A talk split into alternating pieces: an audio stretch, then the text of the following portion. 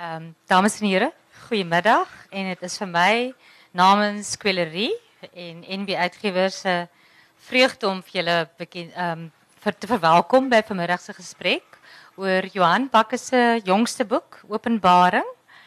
Ehm um, Johan is 'n professor in bestuursrekeningkunde, soos hy nie daar lyk nie, neem ek aan. Ehm um, is uh, ja, mense kan altyd iets ongewoons van hom verwag. Hy tree ook nie soos 'n soos 'n professor in bestuursrekeningkunde op nie. Hy is 'n reisiger en hy is 'n lewensgenieter. En hy is iemand ek kan nou nie die regte woorde in Afrikaans vind nie en dis nie op my papiertjie nie, but he sucks the marrow out of life. En daarvoor het ons ontsettende waardering. En hy deel dit. Ehm sedert 2001 toe sy eerste versameling reisvertellings Moer toe die vreemde in verskyn het het sy gewildheid as verteller sterk gegroei. En nou dit is gevolg deur verskeie titels met allerlei vloekwoorde in, soos Samoose reis en Norfolk en sulke tipe goed. Norfolk is 'n plek in Rusland, dit is nie sodat julle weet. Maar dit is nou 15 jaar na die verskyning van daardie eerste boek. Ehm um, en 5 jaar na die verskyning van sy vorige boek Oopse Daisy wat 'n baie titel was. En dit was hoogtyd vir die volgende boek. En hier is die boek vars van die drukkers af. Dit het maar net 'n week of twee gelede by ons opgedaag. Op die titel van titelblad van Openbaring word daar verduidelik dat dit 'n reisjoernaal is en nie die evangelie nie. En dit laat mense natuurlik onmiddellik met 'n klompie vrae. Ek gaan nie daai vrae vra of probeer beantwoord nie. Ek dink dit is Erns Grinling werk. Erns is self ook 'n reisiger, 'n joernalis, 'n skrywer, verteller en hy gaan daardie vrae en nog 'n hele paar ander vir Johan vra. Erns en Johan, dankie dat julle hier is. Dit is lekker om julle hier te sien en ons sien dan uit om julle te luister. Dankie, dankie Marga. Baie dankie Marga. Johannes, baie welkom. Baie baie Die... dankie. Ek moet sê ek sien weer agter. Daar's vir my niks so sleg om uit 'n koek uit te spring vir 'n klomp mense. Hier sit ek nou. nou ons sit ons sit nogal hierso in ehm um, heel deftige stoele op die verhoog. Laat laat my dink aan een van daai Russiese hotelle waar jy dalk oorgebly het, een van daai vyfster plekke op op jou jou jou makkers se reis. Ehm um, baie welkom aan almal almal van julle hier vir die bekendstelling van Johannes se nuutste boek Openbaring. Ehm um, ek het al ehm um, ek het al Johannes se boeke al deur gewerk en uh ja, ek ek ek dink hierdie is jou beste boek Johannes. Ehm um, ek het gelag. Ek het selfs gechunk in die Oopplan kantoor van weg. Ehm um, gaan nie vir sê hoe lank gelede nie, maar toe ek die die boek teen die einde ehm um, by uitgekom het en uh ek dink jou boek is ehm um, baie minder obskuur, meer leesbaar en ook meer genotvol as jou naamgenoot se poging op die eiland Patmos ehm um, so 2000 jaar gelede. Ehm um, en uh So dat eers eers eers was jy in move toe in die vreemde en toe was jy in jou donor en toe was dit toe Helen gaan toe was dit Norfolk toe was dit Samosa reis toe Oopse Daisy en nou Openbaring. Ja, ehm um, kyk die ding het eintlik begin by Oopse Daisy. Ehm um, Oopse Daisy kon ook maar gewees het o donor of wat ook al die geval is. Uh maar uh daar daar da, ek op 'n stadium gedink miskien moet ek nou maar ehm um, nie meer Jack Sparrow wees nie, maar mik vir Unita Klasen. Ehm uh, maar dit het nie die inhoud verander nie. Maar Openbaring ja, dit is nou ek was so bang geweest dat hulle dink Koem gee die boek uit. En uh maar gelukkig het Koem my voorgespring met 'n ander Openbaring. Richard Botha, dit was wonderlik geweest gistermiddag toe uh loop ek kom raak en wat 'n aangename man. Ek ken hom van geen kant af nie. Ons het toe nou so self 'n selfie gedoen. Hy het gesê hy wil graag vir sy kinders net laat weet dat krokodil krokodil dan die lewe regte. So ek wonder wat uh, die die openbaring, ek weet nie het jy my gevra waar hoekom openbaring of ja, nog nie heeltemal. Ja, hoekom jy op, op, op die naam eh, besluit het. Ek ek wil net nooit sê ek dink ehm um, dit is ooit gedink het, het Johannes en die apostels ooit gedink ons sal in 'n tyd leef waar twee skrywers openbaring selfies neem. Dit is dit is my verbuisterend, maar uh, ja, dit was vir ons 'n openbaring gewees. maar nee, dit is ag die die hele ding, ding gaan ek ja, ek het net maar opgehou skrywe vir 'n ruk. En uh toe sit ek nou een aand daar in my eie persoonlike kroeg en ek maak vir my bottel wyn op en hulle sê ou moenie alleen drink nie. En toe besluit ek maar ek gaan maar weer begin skryf dat ek nie alleen drink nie. En toe kom 'n idee en ek is bevoorreg en my reisgenoot Callie sit ook hier in die gehoor uh om uh, ons was by die warmste plek op aarde waar mense bestaan maak, moet daar is daai kwalifikasies belangrik as ook die koudste plek op aarde. En toe besef ek maar Johannes het gesê in Openbaring 3 vers 5 10 tot 16 dat ou moet warm wees of koud wees. Jy moet nie lou wees nie. En al my lewe het ek probeer om nie lou te wees nie. En dit is eintlik hoekom hierdie hele openbaar want dit was dit is die openbaring. En hoekom ek dit dan nou saam met Johannes so openbaring op Patmos want hy het toe gesit in die uh, jaar 19 na Christus in 'n grot en hy moes skryf en ek het in die jaar 2014 in 'n grot gesit en ek moes skryf maar dit is eintlik 'n drinkgrot geweest. Ek moet sê die die die die hele die Bybelse verwysing die feit dat jy ook moes skryf en die feit dat dit in 'n in 'n drinkplek ehm um, ook plaasgevind het. Ek weet nie van Johannes ehm um, wat het die eet uit daar gevolge destyds nie. Maar ehm um, dit is ja, dit is my persoonlik baie interessant Johannes want ek het dit vanoggend ehm um, hier op afgekom maar 14 jaar gelede net na Moto in die vreemde ehm um, verskyn het, het ek vir Johannes die eerste keer ontmoet ook op 'n Vrydagmiddag, ook op Stellenbosch en ons het ook saam 'n bier gedrink. Ja. En dit was by the Terrace gewees. Ehm um, en uh, wat wat toe jou kantoor destyds was waar jy 'n paar belangrike audits gedoen het, maar maar ook um, Correct, ja. ook geskryf het. Ja. En en ek het op die um, storie afgekom wat ek destyds geskryf het toe ek universiteitsstudent was. Rambo rekenmeester se boeke klop was die titel gewees. Ehm um, ek het toe gedink ek is baie oulik. Ehm um, en uh en een van die sinne hierso was skielik, hulle sê my nooit die woord skielik gebruik nie, maar in elk geval, skielik verskyn 'n Bybeliese figuur in kakie met woeste baard en deurmekaar kwalare by die kroeg se toonbank. Sy swaar armbande en hakkies, bangles, klingel soos aankomende reën. Ehm um, dit is ek is bly om te sien dat nie te veel verander het dit nie. Ja nee, ek ja. Kom ons- nog dieselfde. Kom ons kyk gou terug na waar jy gesê het jy het gevoel jy jy moet skryf. Ehm um, soos soos Johannes ook destyds duidelik gevoel het hy hy moes skryf. Ek meen as ons nie daai laaste boek gehad het nie, anders sou die Bybel geëindig het. En ehm um, ek dink ook ehm um, ja, die, die want jy sê ook in jou inleiding sê jy jy het vir 4 jaar het jy eintlik ophou vertel. Ehm um, gee ons net so 'n bietjie agtergrond hoekom jy ophou vertel het en wat jou weer gedryf het om weer te gaan sit daar in die kroeg. Ag ek dink aan die einde van die dag is dit so tipe van ek ek het my brein is toe permanent op galop eintlik. Nou hiperaktief en so en dan ek soek altyd iets nuuts en ek dink op op 'n sekere stadium het ek nou gedink ek het nou klaar vertel. Dis met ander woorde in die situasie waar jy nou daai T-shirt al gekoop het en jy het hom nou en jy met en jy kan nie meer in die kopraal. In elk geval uh so maar die die die ding is as jy eers een keer aan die skryf gegaan het, nee, dan kan jy eintlik nooit ophou nie. Want daar daar kom altyd 'n storie aan jou deur klop. En dan ook moet ek sê ehm um, miskien matig ek myself aan en klink ek nou verskriklik selfvoldaan soos mense al gesê het ek is is dat ehm um, daar's baie van die mense wat nie die ervarings kan hê wat ek het nie. En ek dink is onregverdig dat ek dit nie met hulle deel nie. En de, ek dink dit is een van die groot motiverings soos ek na flissies nou daar buite by die radio te sê gehad het dat ek eh, kan nie regtig die storie vertel nie, maar kan ek kan die storie pen en dan kan ek dit vir iemand gee om dit op sy eie manier met ander woorde te kan ervaar. So dis daai deel daarvan is daai wat jy ook noem 'n be- behoefte om om te deel. Ja, dis basies waar waar dit neerkom ja. Yes. Jy haal ook vir ek dink is Aristoteles, ehm um, Ja. wie wie aanhaal wat wat gesê het ehm um, om te onthou is die scriba van die siel. Is dit nie pragtig nie? En intens. Hè? Dis nogal 'n redelik intense Ja, quote is daai. nog wel ja. Ja, Ehm um, onthou ons onthou is die panser teen vergeet ook, né? yes. Jou jou werkswyse. Ehm um, kom ons gesels net oor hoe jy hierdie boek geskryf het want ek ek kry idee dis ehm um, ek dink Jacques Kerouac het on the road met 'n taamlike koersagtige drif geskryf in 'n redelike kort tydjie en jy quote ook in jou boek quote jy iemand op Facebook um, wat gesê het geen goeie storie het begin met iemand wat slaai eet nie.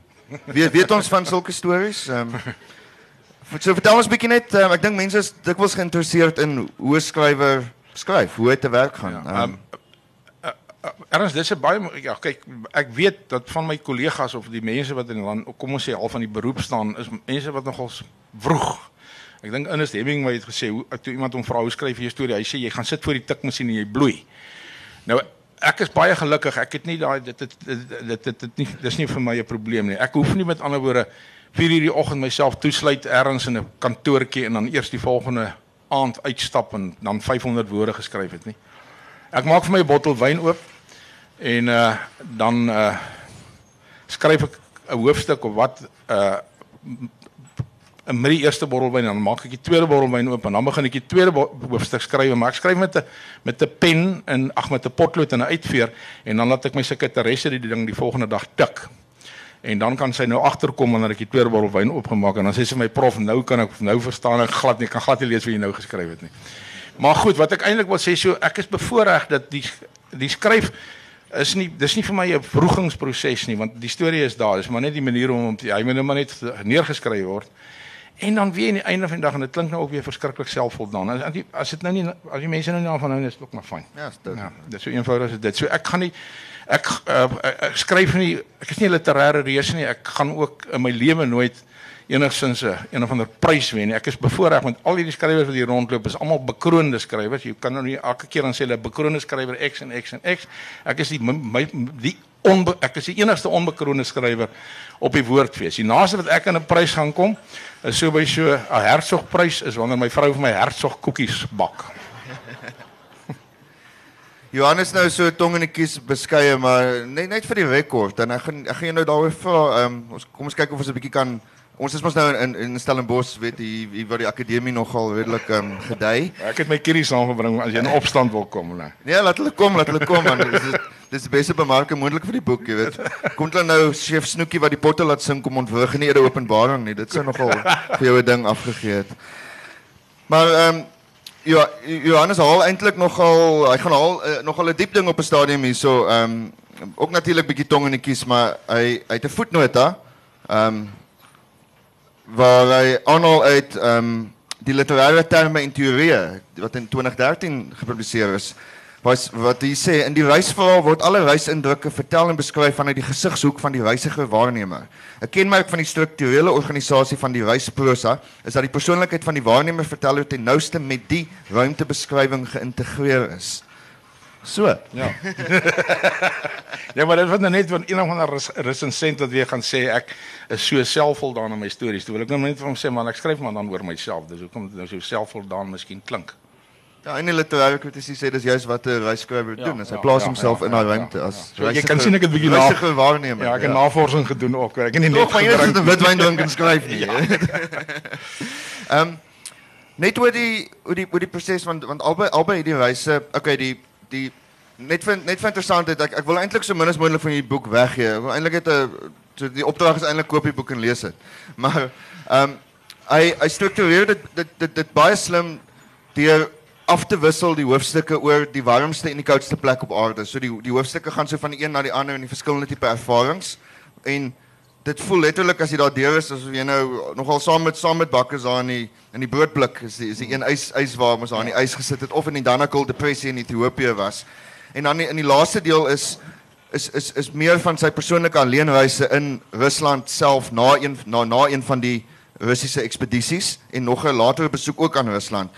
Maar ek is nou skieurig oor hoe jy tydens die reise self hierdie inligting insamel. Dis duidelik dat jy baie lief is vir foto's neem. Ja. En jy sê jou pa was 'n was 'n was 'n natuurlik 'n groot dagboekskrywer geweest en jy noem ook een of twee keer 'n joernaal in jou boek, maar vertel ons 'n bietjie van hoe jy bewustelik te werk gaan om daai goed te onthou en op te neem terwyl jy Um, op reis nee, is. goed, uh, die die foto neem is baie belangrik. Ek kiekie enige ding. Ek het eintlik my waarheid te sê. Uh moet ek nou nou 'n kiekie lo- uh, neem? Jy moet nie loop nie. Ek moet net 'n kiekie neem van die gehoor dat ek nou net vir my vrou sê ek was regtig hier by die woordfees gewees. Ehm um, maar uh, dis om die moment vas te vat want die kiekie bring tog die herinnering terug. Ek probeer ook 'n joernaal byhou, maar nou moet ek eerlikwaar sê met, met met hierdie spesifieke ekspedisies waar ons makkers bymekaar is. Dit gaan so vinnig en so woes, né? Dan dan nie regtig waar tyd is om al hierdie goeders op daai moment te teken nie. Jy moet ergens in 'n kroeg in Rusland en waar ook al in Moskou of in Sint Petersburg gaan sit en dan bietjie meer detail gee. En dan bring ek bedoel soos ek sê die van hierdie stories het van hulle 5, 6 jaar terug plaasgevind. So ek haal hom met die joernaaltjie uit en uh Ehm um, gelukkig my vriend Callie maak ook aantekeninge en ek skryf 'n joernaaltjie so ons kan die inligting is daar en dan so by maar dan die onthou kom baie vinnig. Maar die uh, hoe hoe onthou jy al daai detail, al daai name soos die die die lugvaardin op die Nee, op ek, die ek skryf dit onmiddellik neer. Die oomblik as ek met 'n ou praat skryf ek sy naam neer. Dit is uh, my nogals belangrik, ja. Ja, nee, dis dit is dis dis dis 'n goeie stukkie advies daai. Ek dink ek moet dit self meer doen. Ehm Gepraat van Kali en ek is baie bly Kali is ook hier in die in die in die in die gehoor en ehm um, daar's so twee uittreksels uit Kali se eie reisdagboek wat ook deel maak van die van die verhaal. Ehm um, Ek het vir hom krediet gegee hoor, maar hy kry nie 'n donder se sent nie.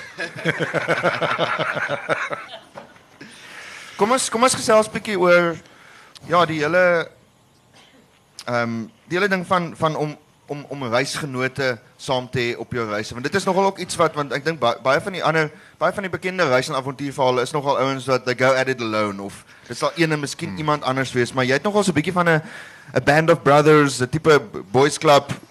En maar daar's maar julle julle is nogal 'n paar pelle wat wat nou al 'n hele paar reise onderneem het. En vertel my 'n bietjie van daai wat jy noem 'n bloedvriendskap in jou in jou boek. Nee, kyk, die ding is ehm um, dit is eintlik baie lekker om alleen te reis want ek bedoel dan het jy die vryheid van beweging, jy het nie uh, nodig om vir die ou te vra nou maar waar wil jy nou wees of hoe dit ook al is nie. Maar hierdie hele ding ehm um, uh, uh, ontstaan dit, dit kom van dit kom van Dana af hoor ek het opdrag gegee van geval ons lank. Dankie Dana. In in in iedere geval ehm um, uh, okay, nou is nou se boek begin voorlees. en maar die ding is reisgenote ja. Ja.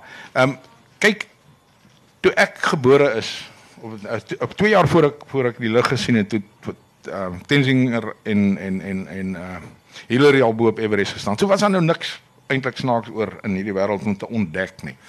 En uh die anderste en uh, dit is uh, ek en Kali praat altyd van ons gaan soek die die ste ste plek. Jy weet die ja. die koudste plek, die warmste plek, die vuilste plek. Ons kan nie by die hoogste plek uitkom nie want dit is te duur. Maar ons uh, uh, uh, is eintlik nou jy's op pad byvoorbeeld na die plek waar die meeste opgeneek is deur die mense, die Aral See in Kazakhstan. So ons ons ons soek die stigste plek. Dit moet so sleg wees dat geen ander mens wil saamgaan nie. Veral nie ons vrouens nie en ek is nie seksisties nie. Ek maak eintlik nou 'n grappietjie en Nana is nou nie hier nie so. Maar om 'n lang storie kort te maak, so in die proses om na die plekke toe te gaan, kan jy nie alleen gaan nie. En dis nie dat dit so verskriklik gevaarlik is nie. Ons is ook nou nie so dapper dat ons nou regtig oor willens en wetens wil doodgaan nie, maar dis nice om te weet dat uh, kyk om die wete dat dat jy kan doodgaan geesbesery in die lewe, né. So ehm um, uh, aan die einde van die dag is uh, maar dis nie 'n plek wat jy alleen kan gaan nie. Jy het iemand nodig om jou rug te beskerm, maar jy moet die regte reisgenoot kry ook. En dit is dit is waar ek verskriklik bevoorreg is met die genade ook dat ek nou so 'n klomp vriende om my kon versamel het wat min of meer hulle ons dink nie dis altyd dieselfde nie en ons moet mekaar ruimte gee binne die binne die reis self. Ek wil ehm um, uh uh partykeer is een ou net die dag af, dan moet jy hom net los. Jy moet hom spasie gee. So die reisgenoot moet spasie kan gee, maar hy moet jou rug ook kan beskerm en hy moet jou uit die doodsakker uitdra. En dan moet hy so by so gebou wees van ongerief en hy moet daarmee ietsie vat. Ek denk, ek dink Johannes Johannes al weer bietjie beskeie oor die soort van die omvang en die intensiteit van hierdie reise wat hy en sy reisgenote aanpak. Ehm um, veral in hierdie boek, hierdie koudste en warmste plekke. Men ons kyk in ehm um, in in Rusland het het die het die het hulle gaan draai by -57 grade Celsius. Ehm um, hulle dit vas vasgestel. En by die Dannegal depressie dink ek het hulle daar op die soutpan gestap in 50 grade Celsius. Ja, so dit ja. is nogal 'n redelike 107 grade speling aan weerskante en in albei die bestemmings het die die gidse dit dit baie dit was baie duidelik dat die gidse hulle het so afgevoel we didn't sign up for this. Jy weet die een gidse vrou het die hele tyd gebid by die huis dat hom man dit oorleef wat nog van hulle.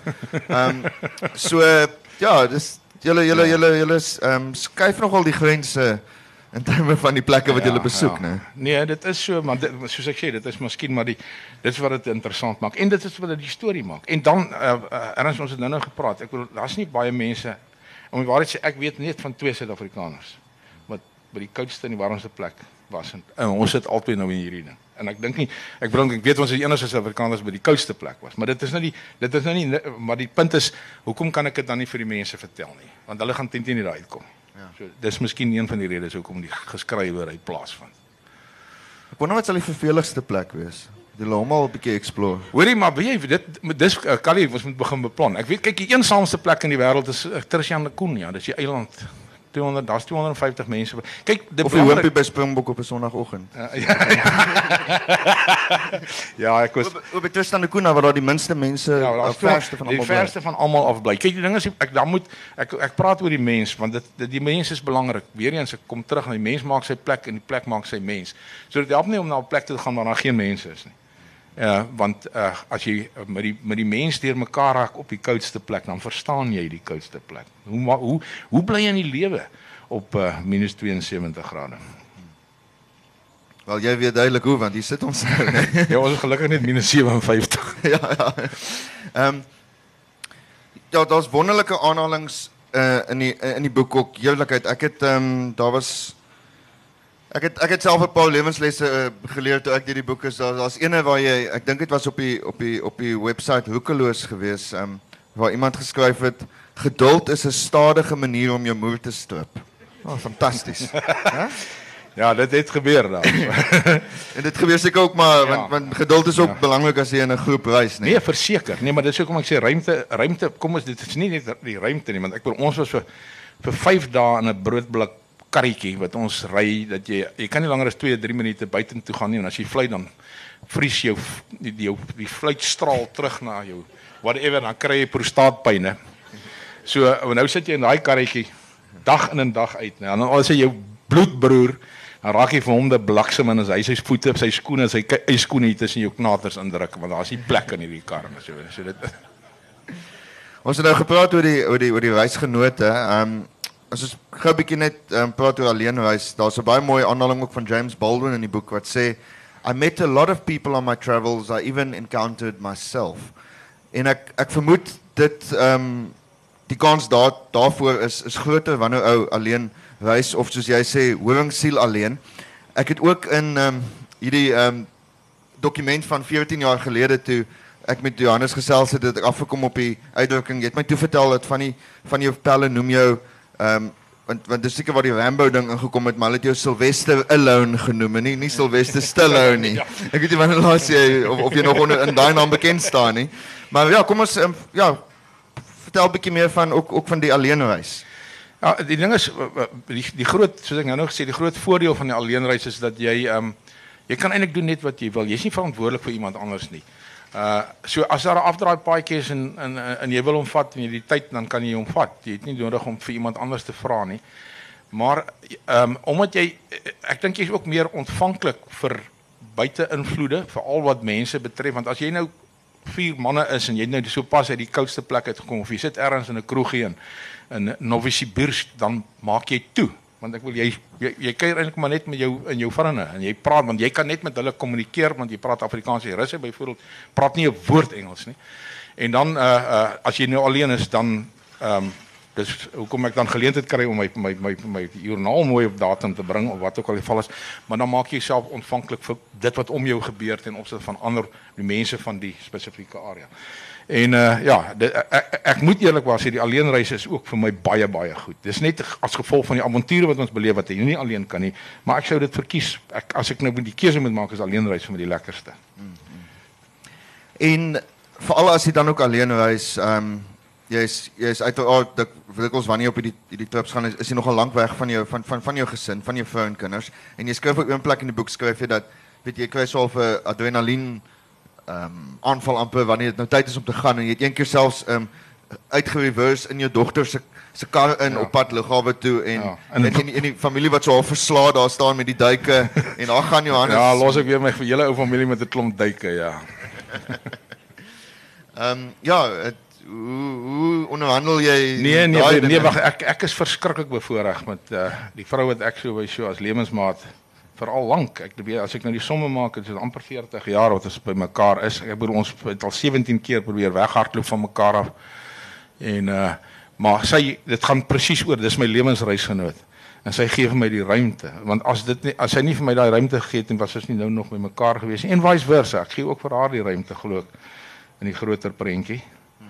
Uh, en sy is 'n sielkundige, dit baie swakke want sy het dit in 40 jaar nie dit reg gekry my maar reg te kry nie maar. Wel, ek het onlangs 'n 'n- 'n quote gelees van 'n van 'n ander sielkundige wat gesê het dat 'n koppel mekaar eintlik eers na 40 jaar die eerste keer sien.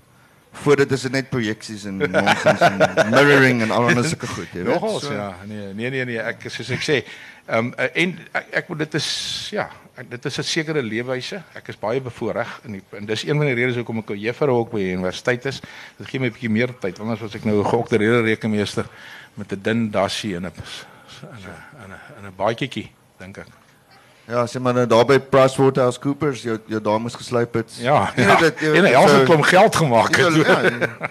maar jy ja, jy sou dalk nie daai impuls gehad het om hierdie spesifieke noem dit nou maar wilde of vreemde reise te onderneem nie. Ja, maar die slegste van die reis is om nou hier te sit. Ek het nou al hierdie hele label afgekrap so senuweeagtig is.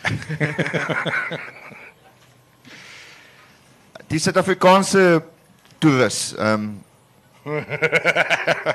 ja, ek het daaroor hulle geskryf, ja. ja, ja, ehm wil jy wil jy dalk ietsie ietsie daaroor sê net hoe die Ja, hoe maar die ek kan nou nie die bladsy nommer Ja, maar ek onthou ek sal sommer gou hierso vir jou lees dan kan ons kan ons gou ietsie daaroor sê. Ehm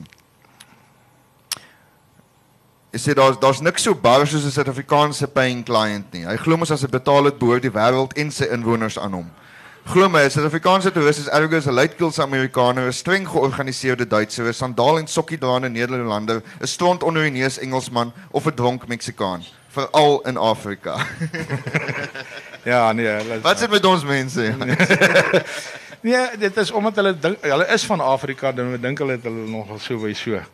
Uh passaat reg. Dan kan hulle maak net wat hulle wil. Alles het betaal het.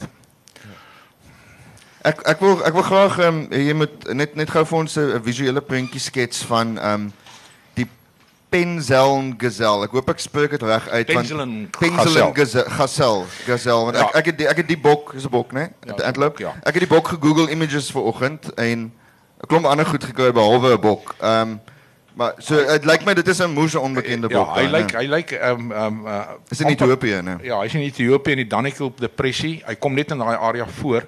Hy lyk baie na met na die Thomsons gazelle wat jy hierso in, in Kenia en Tansanië kry. Hy's net 'n klein bietjie uh bietjie kleiner nog en uh, hy's absoluut aangepas vir daai droë wêreld want daar in in die Dannekel is daar nie water nie. En dis hoekom die inwoners van die Dannekel die Afar so eintlik heilig is op die grond. Hulle wil geen ander Ethiopiërs daar toelaat nie as gevolg van die druk wat dan met ander woorde op hulle habitat sal wees en uh uh hulle probeer jou verjaag maar hulle maak jou nie net dood nie. Hulle sny ook so by so jou ehm um, pere uit. En uh, want dit is nogals vir hulle 'n trofee. En daarom uh uh wil die ander Ethiopiërs nie daartoe gaan nie. En uh, uh, Wilfred Tenzinger wat die eerste kom ons sê dan Europeër is wat dan deur die Dannekel het dit in 1933 gedoen. Nou hierdie afvaar deestra, hulle hulle dis so Jimbe is die groot mens. Hy lyk soos 'n boemerang wat hulle nou jou dinge mee uitsny. Uh maar hulle het nou elkeen ook 'n AK47. Nou daar is 'n sê ding van die afvaar wat sê dat 'n uh, uh, AK47 is net daar om 'n bang man af te skrik.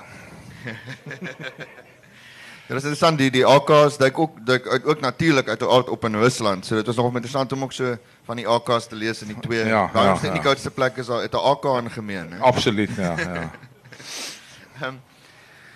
In terme van ehm um, ja, kerke en kroë. Kom ons kom ons um, staan gou 'n bietjie stil by by daai twee on weet ba- baie belangrike bestemmings dink ek ehm um, vir, vir vir jou ook ehm um, jy jy, jy Ja, sê in die, in, die, ja. in die boek sê jy jy's nie te mal oor die kathedraal toerisme nie hoewel jy baie aangrypende koorervaring ook ook beleef het op 'n Ja, stadium. ja. Maar jy sê 'n kroeg is vir jou lekker want ehm um, 'n kroeg kan enige oomblik verander.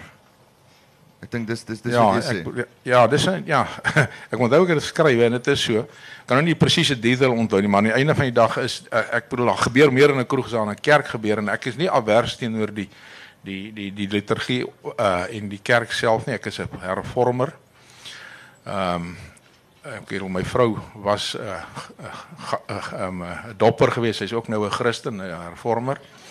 En maar wat ek eintlik wil sê is, is dat so by so ons met ons reise elke keer as jy in 'n dorp inkom en daar's een of ander toergids dan wil hy vir jou kerk gaan wys. Nou, hoor nou vir my uit as jy nou in Lourdes kom dan gaan hulle nou vir jou na die na die Velsen kerk, die Klipkerk toe vat en as jy nou Pofadder toe gaan gaan hulle vir jou Pofadder se NG kerk wys en so voort. Dis nou wat die toergidse doen. En as jy een brandvenster gesien het, het jy almal gesien. Dit moet dieselfde tema ook aan die einde van die dag, maar die maar kroe verander maar dan kom elke keer ander mense daarin.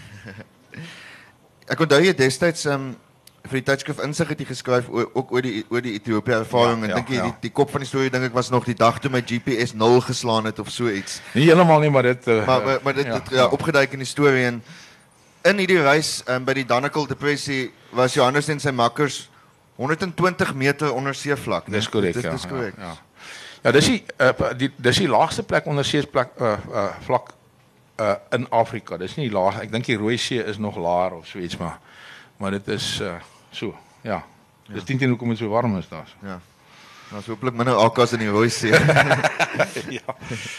Ehm um, jy skryf vir my ehm um, jy skryf my baie aangrypend oor jou pa, Kas, wat ehm um, onlangs oorlede is in die boek. Ehm um, hy het tog 'n groot invloed ook op jou lewe gehad en uiteraard op jou skryfwerk en belangstellings. Nee, vers, verseker. Ek moet aan die einde van die dag nou in retrospek twee maande ons het hom uh gaan verstrooi so 'n maand terug is dit nie. Nee, is nie eers 'n maand terug. Ek kan nie, dis 'n halwe maand terug. Uh hy het 'n ontsettende groot rol in my lewe gespeel en uh ehm um, hy het my eintlik geleer van avontuur teen teen. Hy het my geleer van die van van van van van die natuur. Hy het my die die storie vertel. Ek in die vorm van dit uh Saldanha Bay, daar's ander plekke as Saldanha Bay. En so hy het met almal miskien die reislus in my wakker gemaak ook.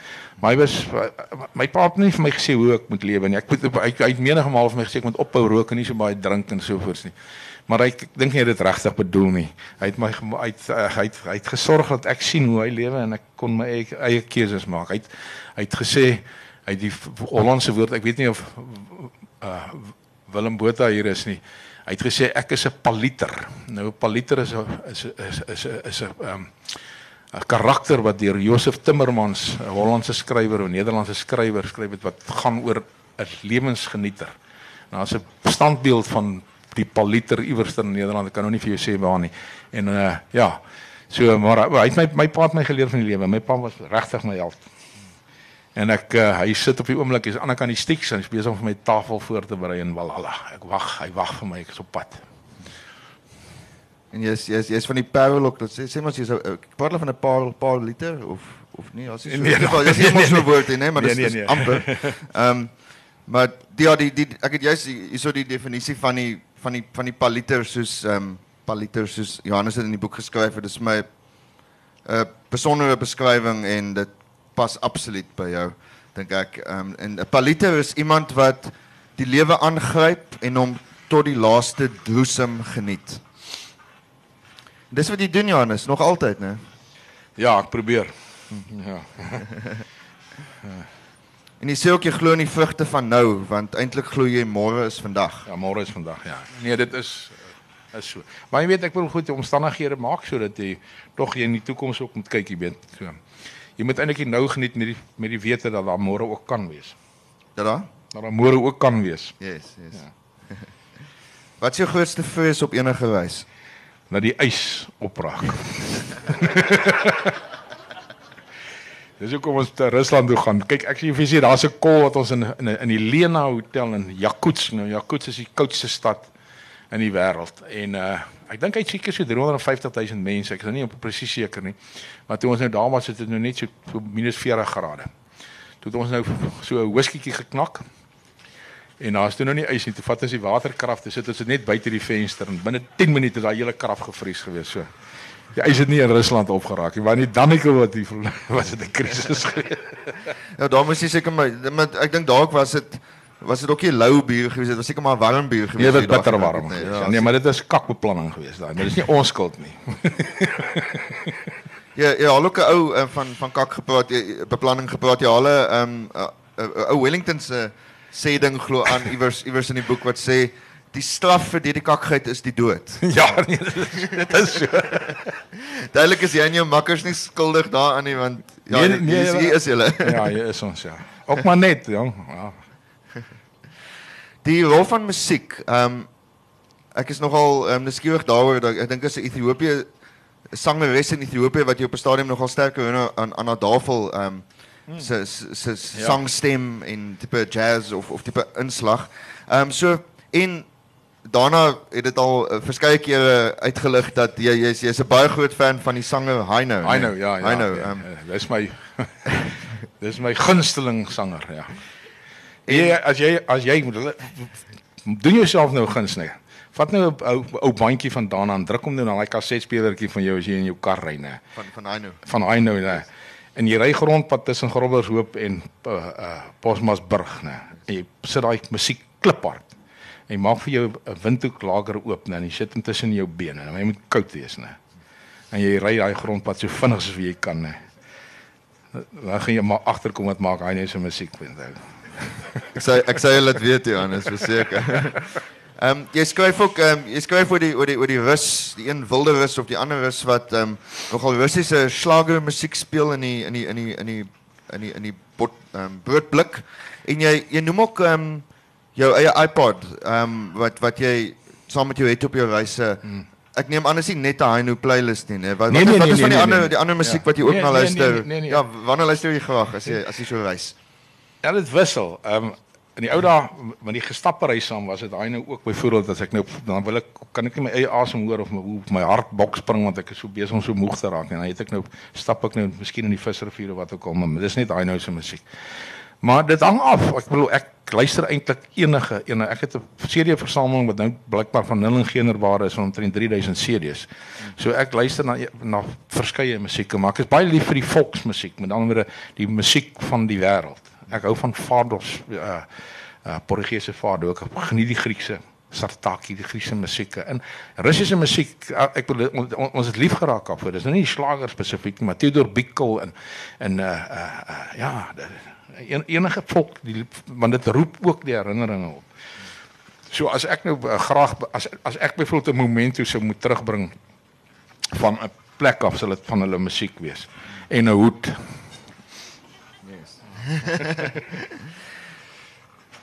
Watter boek skryf mens na openbaring? Watter boek kom na openbaring? Jy sien dis nou dis nou juist die probleem hoekom ek so lank ook onder andere hoekom ek so lank va- gevat het om te skrywe weer want eintlik elke boek wat ek skryf sluit ek af asof dit nou verby is. Ek het ek dink in 'n vorige boek het ek selfs die testament daarin. En dan groet ek almal met groot groot uh, fanfare en so voort. So ek het om openbare ook nou alweer gegroet. So ek weet nou nie of ek weer gaan skryf nie. Ons sal nou maar sien. Ek bedoel op hierdie stadium van die geveg het ek geen behoefte nou nie. Nee, ek lieg. Ek het al klaar weer 'n storie. Oom Koos Kieler gaan op reis. Maar dis net 'n kort verhaal. Ek kyk om 'n lang boek te skryf is 'n fucking nagmerrie. Dit het my 60 ure gevat hoor. En 24 bottels wyn. Wow. Nee, genien. Ek bedoel dit is verskriklik lank want die ding met my breinkrag, ek hardloop te vinnig. Ek kan nie ek kan nie 'n lang boek skryf nie. Hierdie is maar net toevallig 'n lang boek. Dit het begin as 'n kort verhaal, net om my bottel wyn af te sluk.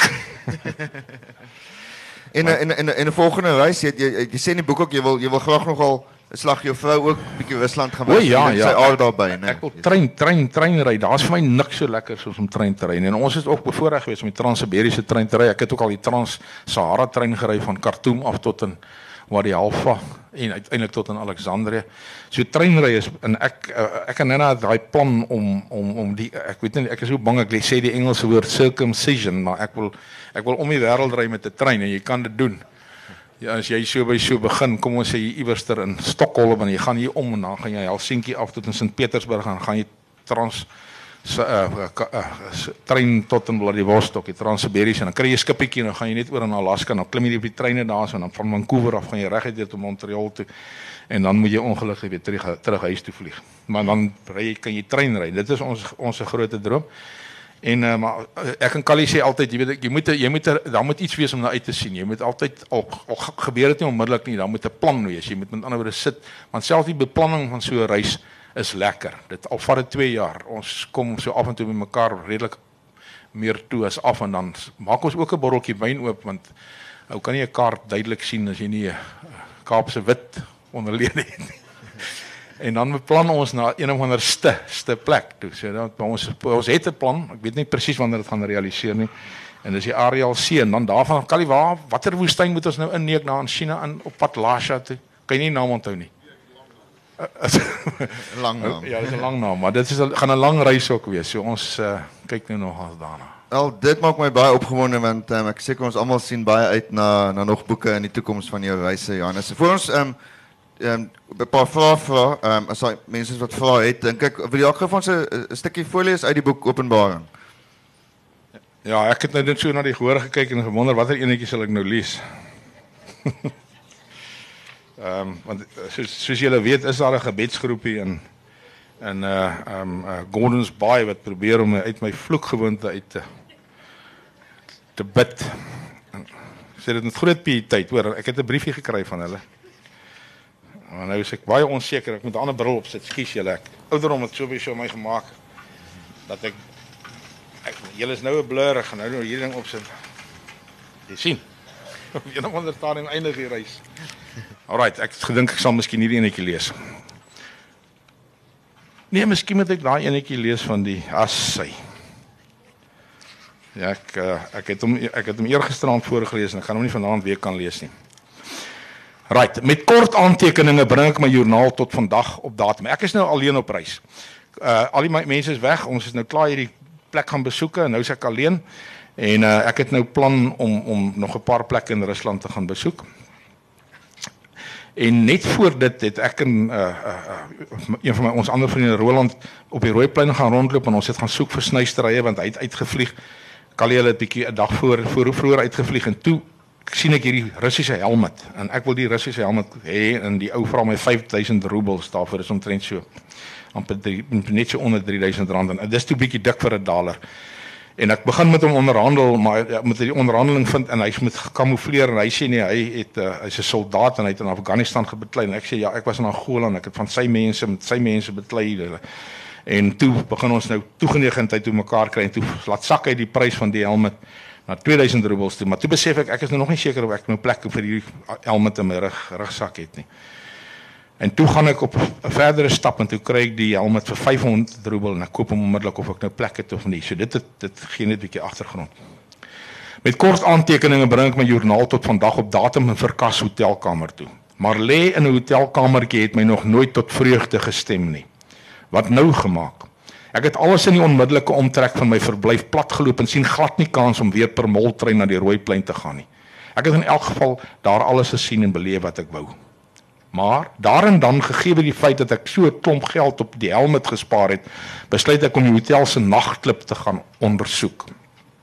En die skamel matroosgeklede noontjies in die voorportaal het juis vir my so 'n afslag uitnodigingkie in die hand geprop. Nie dat ek die regte klere drag vir die okasie het nie.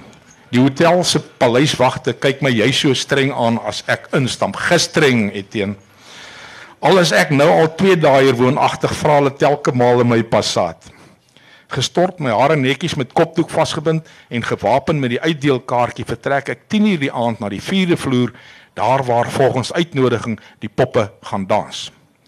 Moet sê hierdie is nie regtig my koppie sop nie, maar ek troos myself dat ek met navorsing besig is. 'n Mooi meisie en 'n KGB agent ontvang my. Die meisie is goed bedeeld en ietwat ondergekleed. Die agent is gesoet en getaai met bultende spiere. Ongeag my afslagkaartjie blyk dit dat die toegangsfooi vir inwonendes 900 roebel beloop. Dis amper twee helmets se prys en teen die tempo sal ek die hele rooi leer kan uitrus. My anorak word afgegee en ek stap so dof flikkerende doef doef saal in. Ek voel ietwat selfbewus. Ek word bewus van skraps geklede evas oral rond op banke, stoeltjies en tafeltjies. Is dit hoe 'n nagklub moet lyk? Wonder ek vervaard en kies reguit kroeg, koers na die kroeg, heel aan die verpunt van die saal. My oog vang 'n verhoogie waar 'n Russiese meisie ten volle half gekleed teen 'n paal aanwrimmel. Ek bestel 'n bier. Dit kos my nog 'n helmet. Hierdie stuk navorsing gaan my sak ruk flitse deur my brein. Die kroegman bied my 'n spyskaart aan. Ek weet om die dood gaan ek nie hier eet nie, maar gooi tog 'n oog net om my senuwees te kalmeer. Die spyskaart is so waar in Engels. Ek bekyk dit wat aangebied word. 7000 roebel, dan pluk 'n meisie haar boostuk af. 9000 roebel, dan waai die stertriem. 20000 roebel, dan neek sy in 'n enetjie in 'n jy in 'n enetjie in 'n privaat suite en ensovoorts. Die aksies raak al hoe wilder, maar so ook die prys. Gegeewe my begroting besef ek navorsing het ook maar sy beperkings. Om die kapitaal uitleg wat in die betaalde toegangsfooi opgesluit is te realiseer, besluit ek tog om ter wille van navorsing die vleese wat uitgestal word deur te kyk. 'n Nuwe paaldanser is besig met haar passies. 'n Mooi, almal is lang donker kop skat ek so tussen die flikkerligte deur. Ek skyn die enigste toerist te wees. Om die waarheid te sê, daar's nie veel ander mense buite 'n halfkaal Evas nie. Die ander mans blyk die meisiekinders se boyfriends of beskermengele. En hakies, Lucifer was ook 'n engel te wees. So 'n vet maffia baas is omring deur 3 of 4 vrouens met beringde vingers knak hy champagne en bestel mengeldrankies vir sy entourage. Skielik word ek prooi. 'n Meisie kom op my afgepyl. Dis 'n stamgenoot, menende nie rus nie, maar 'n USSR satellietstaatproduk. Alhoewel sy lank is met 'n rokkie wat skaars haar naakies bedek, naakie bedek, is die Mongoolse gelaattrekke onmiskenbaar. Ons knoop 'n geselsie aan en wragtig sy se Jakutie uit Jakuts. Ons praat land en sand en albei van ons se geradbraakte Engels oor haar tuisdorp en Omjakon. Okay, toe ons net so aan die gesels gaan. Sy flik vloei spyskaart se rigting toe en besef dan dat hierdie armgat boer nie haar passaat terug Jakuts kan bekostig nie. En met 'n uh, uh, I must go and dance verlaat sy die slagveld en gaan nestel teen die maffiabaas aan. Dan verskyn sy tog op die verhoogie en met pynlike amateuragtige ruk en rol passies probeer sy die paal verlei. Ek besef op nie dis nie vir my nie, maar om tyd en ware oh nee, om, om die tyd om te kry en waarde uit my toegangsfooi te put, besluit ek dat ek nog een dansie sal uitsit. Ek weier egter om nog 'n bier te bestel. En dan die laaste dans. Sy is so lang lenige amazone met gebuitelde gelaatstrekke. Aristokraties saristies. Voor my ontvou 'n stuk kunswerk homself. Dis so sensueel en artistiek dat dit my asem wegslaan. Sy dans letterlik daai paal in sy moeren. Ek besef dat as jy weet wat jy doen en 'n meester is van jou nering skep jy kuns. Soos die timmerman en skrynwerker met 'n stuk hout, soos die sweiser met 'n stuk staal, soos die bouer met bakstene of die rekenmeester met 'n klomp syfers en 'n stel finansiële state. En toe daai kaalt Sarina die verhoog verlaat, toe staan die bloubil ondersteuner op en gee haar 'n staande ovasie. Miskien totaal buite konteks of geleentheid, maar sy verdien dit. Gevra? Johan, ek sal graag wil hoor as julle as julle nou so na die na die warmste of koudste plekke toe gaan of waartoe julle ook al gaan. Doen julle baie navorsing voor die tyd oor die plek om te weet wat te wagte is of boender julle maar net. Nee nee nee, ons ons doen regtig baie navorsing. En uh seker uh, van hierdie reise het vat 2 jaar om te beplan en aanhalingstekens. Maar kyk, dis tipe van goeders wat jy nie kan doen nie. So en um, my vriend Callie is nou so by so rekenaar geletterd. So hy druk sy knop en dan maak hy kontak net met ouste aan die ander kant. Kyk, dis die goed wat ons nie kan van hier af reël nie. So jy moet iemand daar ter plaatse kry om hierdie goed vir jou te doen. En soos erns nou nog gesê, hulle die goed plekke byvoorbeeld waar ons nou gaan, hulle wou nie eers daartoe gaan nie. So dit is met redelike druk. Maar ek bedoel as jy byvoorbeeld jy kan nou die Dannikel gaan Google, daar's daar's drie lyne wat hulle vir jou vertel van wat in die Dannikel aangaan. So daar is nie verskriklik baie inligting, maar ja, ons probeer berekend met dan weer met na hierdie goeters toe gaan. Dis nie 'n kwessie van dat ons inboeder nie. Ehm um, daar is seker afdraai paai wat ons die kans sal vat, maar dit doen ons eerder in Afrika want ons verstaan Afrika. Maar ander vreemde plekke doen ons regtig lank navorsing.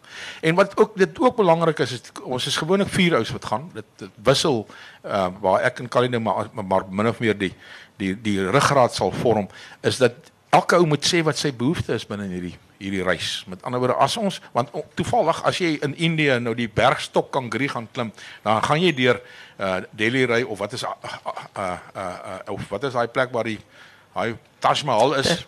So ons wil nie die plek gaan sien nie, maar is net daar gaan kyk ons nou maar weer. So as iemand nou 'n behoefte het, dan kan ons dit nou gaan doen. So dit is belangrik, maar die beplanning en uh, ja, want onthou die beplanning is lekker ook 'n groot lekker deel. Ja. Nog vra? Jy hoef regtig nie vrae te vra nie, hoor. Ek wil net vra, wil julle nie vir ons so voetspore program soos Johan Barnard saamstel uh, vir dit vir die video video's daarvan nie.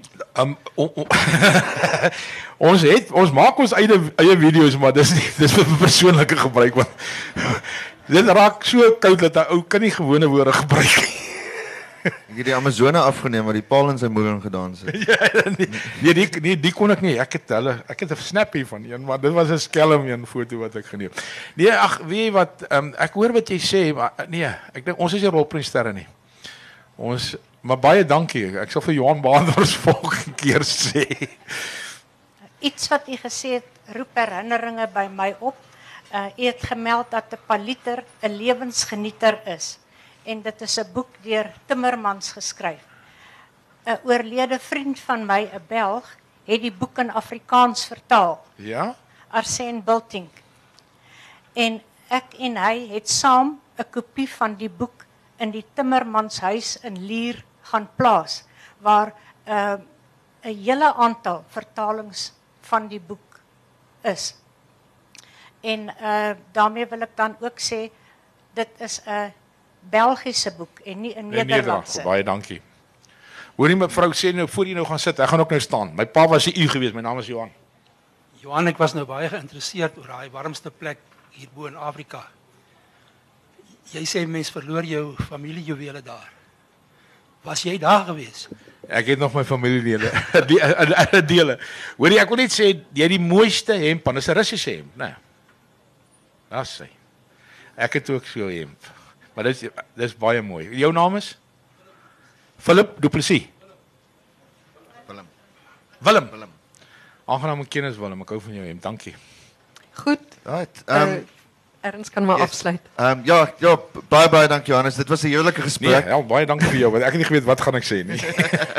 Ek het dit baie geniet. Ek hoop jy was toe op jou senuwees en ek dink dit was glad nie nodig geweest nie, maar die is er nog 'n bietjie van die label oor daarso. Nee, hierdie is ook Hy's af. klaar, hy's ook klaar. Ehm Maar baie dankie. Jy sal vir jare vir my inspirasie ehm en uh, dit was regtig baie lekker met dit gesels. Ja.